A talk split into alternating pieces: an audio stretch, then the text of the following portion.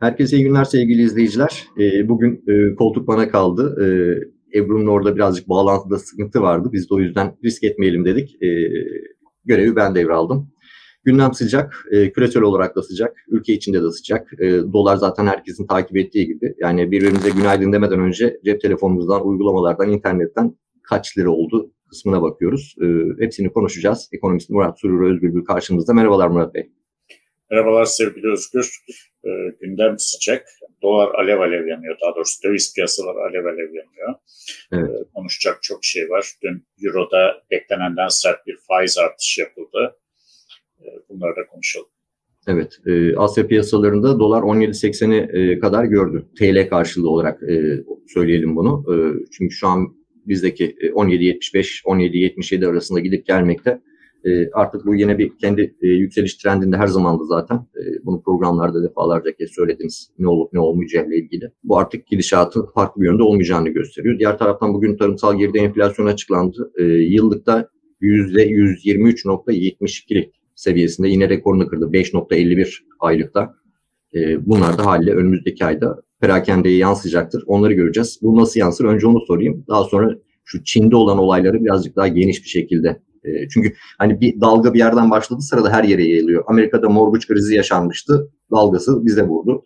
E, Çin'de yaşanan bir olayın da küresel de haliyle yaşanma e, durumu herkesin aklındaki soru. Çünkü bütün ülkelerdeki insanlar aklındaki tek soru bankadaki param çarşur olur mu, yalan olur mu, çekemeyecek duruma gelebilir miyim? Herkesin aklında bunlar var. Hangisinden başlamak isterseniz oradan önce, gidelim. Önce ilk konu e, tabii dolardaki artış genel döviz fiyatlarındaki artış, dolar euro paritesi. E, şimdi Avrupa Merkez Bankası 0.25 bas puan bir artış bekleniyordu. 0.50 yaptılar. Bu beklenenden birazcık daha radikal bir çıkış. Ama gene de çok etkilemedi. Yani pariteyi çok etkilemedi. Ama gösterge olarak şunu söyleyebilirim. Avrupa Birliği de enflasyonla mücadele etmekte kararlı olduğunu ifade etmiş oldu. Ha, şimdi kararlı olmak yetmiyor, güçleri yetecek mi? Bu da tamamen iki göstergeye bağlı bir Ukrayna-Rusya savaşındaki gidişat ve Rusya'nın e, hem para malları hem ham maddeler üzerindeki fiyat baskısını arttırıp arttırmayacağı yani savaşın etkileri.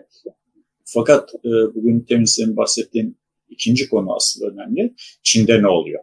Ona en son gelelim. Çünkü evet. Çin'de olan bitenler bir anda bütün yer küreyi ateşe atabilir. Çin bize uzak bir komşu ama dünyanın üretim merkezi. O yüzden önce Türkiye'deki döviz fiyatıyla girelim sonra e, Çin'e gelelim.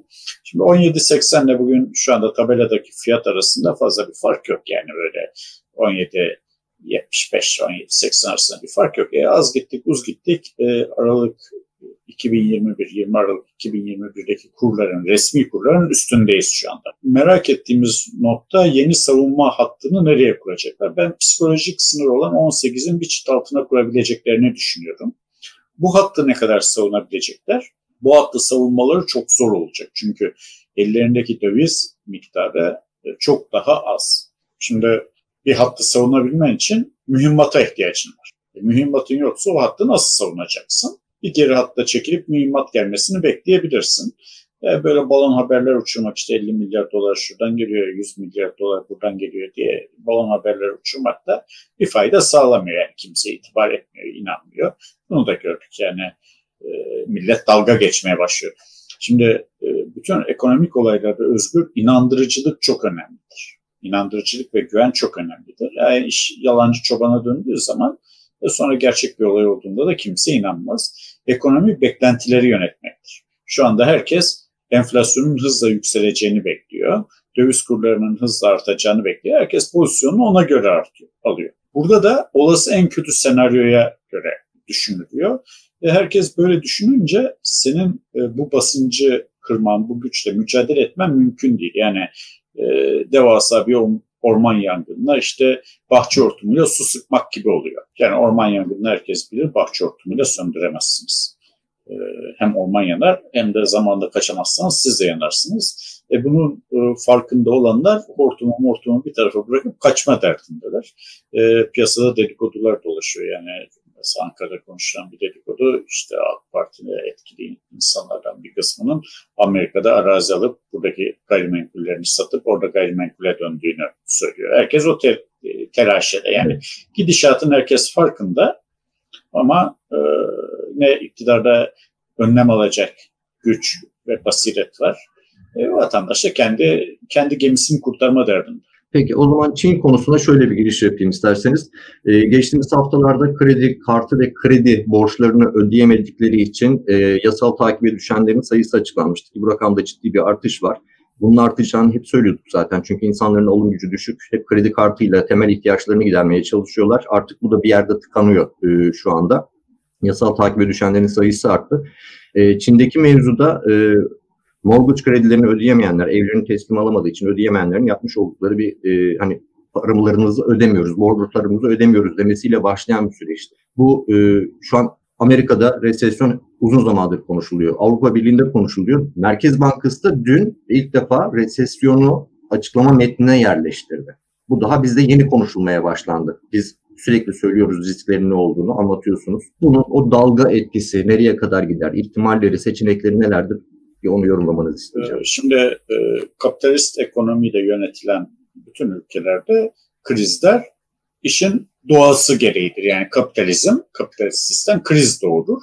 Ee, ekonomi bir çöker, bir yükselir, bir çöker, bir yükselir. Böyle bir sinusoidal eğriyle e, trend devam eder.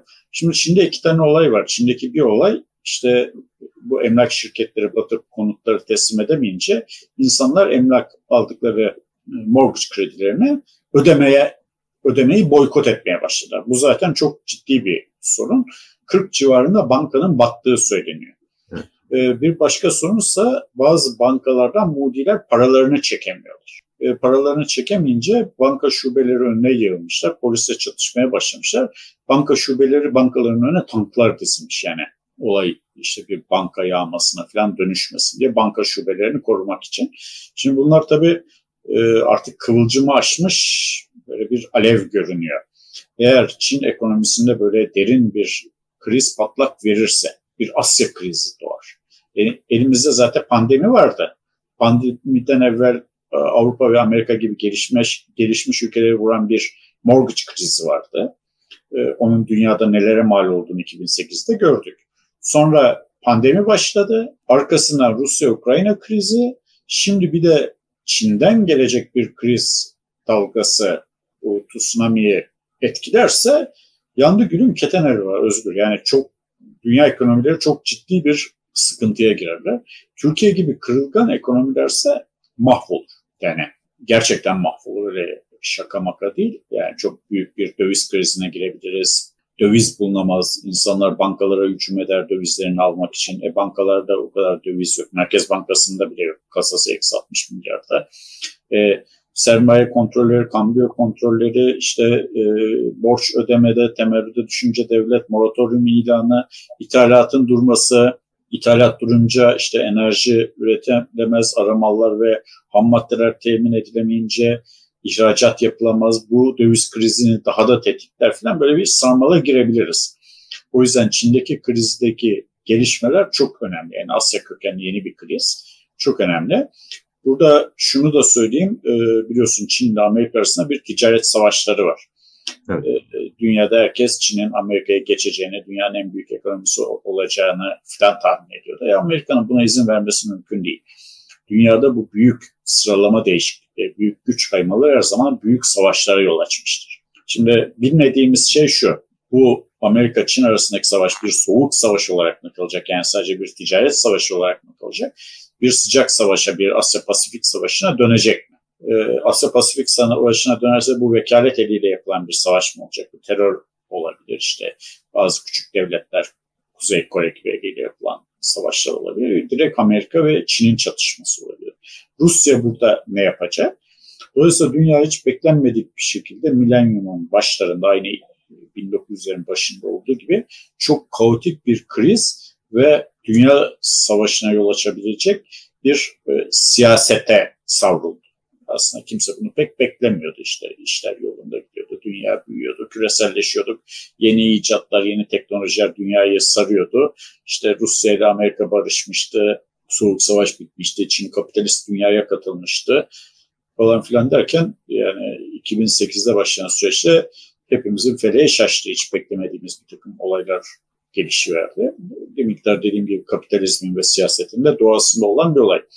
Dolayısıyla bunu çok dikkatli takip etmemiz lazım. Yani yeni sorun Çin olabilir. Çin'de başlayacak bir yeni Asya krizi dalgası dünyayı böyle alt üst edecektir. En çok da geliş, gelişmekte olan ülkeleri vurabilir. Çünkü Çin sayesinde gelişmekte olan ülkeler e, ucuza tüketim yapabiliyorlardı. Bir sürü emtiayı ucuza alabiliyorlardı. E, şimdi ucuza alamazlarsa bu enflasyonun o ülkelerde daha da yükselmesine yol açabilir. Yani tankların bankaların önünde dizilmesi dünyada her zaman görülen bir olay değildir. Yansımalarını dikkatle takip etmeliyiz. Evet, küresel olayları zaten biz kendi iç ekonomimizden daha fazla küresel mevzuları takip ediyoruz. Çünkü bunların illaki bizim ekonomimize bir yansıması oluyor. Gelişmekte olan ülke pozisyonda olduğumuz için ve içinde bulunduğumuz e, şartlar yüzünden. Umarım o söylediklerimiz e, sadece yorumda kalır. Ne küresel olarak ne Asya e, merkezli olarak bir kriz yaşanmaz. Çünkü bizim artık yaşanacak herhangi bir krizi kaldıracak gücümüz kalmadı vatandaş olarak ve ülke olarak. E, bunları da tecrübe etmeyiz diyelim. İnşallah ama e, şimdi şunu da düşünürsen Amerika'nın yürüttüğü ticaret savaşı ana hedefi nedir? Çin'i ekonomik krize sokup Çin'in büyümesini engellemek, küçülmesini sağlamak. E, bu sayede işte birinciliği oynamasını engellemek. Yani bir orman yangını düşün. O orman yangınına su yerine benzin sıkan birileri var. Dolayısıyla orada bir kriz çıktığı andan itibaren o krizin engellenmesi çok kolay olmayacaktır. Ha bunun Batı finansal sistemine nasıl sıçrayacağı, işte Çinli büyük gayrimenkul firmalarına kredi açmış firm, e, bankaların ne olacağı, e, o bankalara ne olursa ekonomilerin durumu ne olacak? E, şimdi uygulamaya çalıştıkları sıkı para politikaları ne olacak? Onlar da 2008'deki gibi aniden gevşemeye yol açacak mı? Yani yeni bir gevşeme dalgası gelecek mi? Bunları ekonomistlerin çok ciddi izlemesi, dikkatle takip etmesi gerekiyor.